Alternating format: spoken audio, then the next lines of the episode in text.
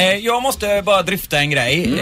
Eh, så jag blev, jag blev ohyggligt provocerad häromdagen. Ja. Ohyggligt provocerad. Nu krävs ju inte det så mycket, men ja. Jo, det gör det. Ja. Jag är en väldigt lugn Berätta. och sansad person i vanliga fall. Talk to me goose. Eh, Jag var på väg hem, klockan är, eh, jag brukar sluta vid tre här på dagarna ju. Och så åker jag hemåt, men nu hade jag dröjt mig kvar lite. Eh, och så körde jag hem eh, och kommer till den här trängselskattsbommen. Då visar det sig att eh, klockan 15.30 så slår ju den om till eh, ett högre belopp va? Sju kronor mer.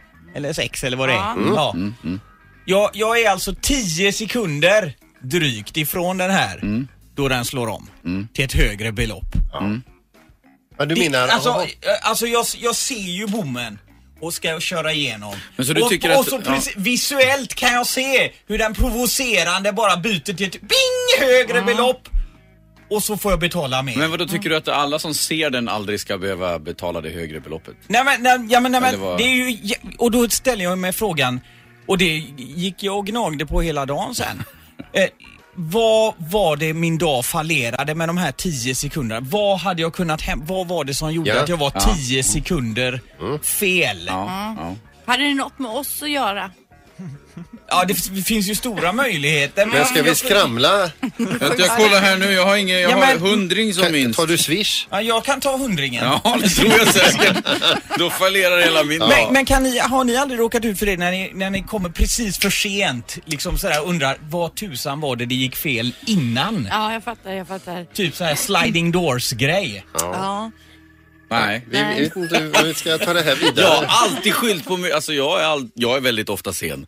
Men jag har svårt att skylla på någon annan alltså. Jag tänker att jag är född en månad för tidigt och det måste jämna ut sig i sista änden. Det är därför jag alltid är Jag lite kom ju nyligen en timme för tidigt Mats till ett barnkalas med min dotter och skulle lämna in honom, henne. De stod ju i chock där. Ja, det, det, Men det är ju andra hållet. Ja, ja. Nej, Vad för jag- fallerar där? Det är mammas Nej, men det är hjärna. liksom om man har glömt sina nycklar så man är tvungen att gå tillbaka. En sån grej kan ju göra att man är Ja, 15-20 ja. sekunder Men så var det sen. inte. Eller var det så att du sprang på toa kanske precis innan du Ja, lämnade eller jobbet? så var det någon som sa någonting roligt Ja. Precis på lunchen kanske som Men- gjorde. Eller kanske ännu tidigare på morgonen. Alltså det är de, att man har legat 10 sekunder fel. Ja, Ja, fattar. Och det här förstörde din helg. fullständigt. Ja. Ja, nej men vi får hoppas på en bättre vecka den här gången då.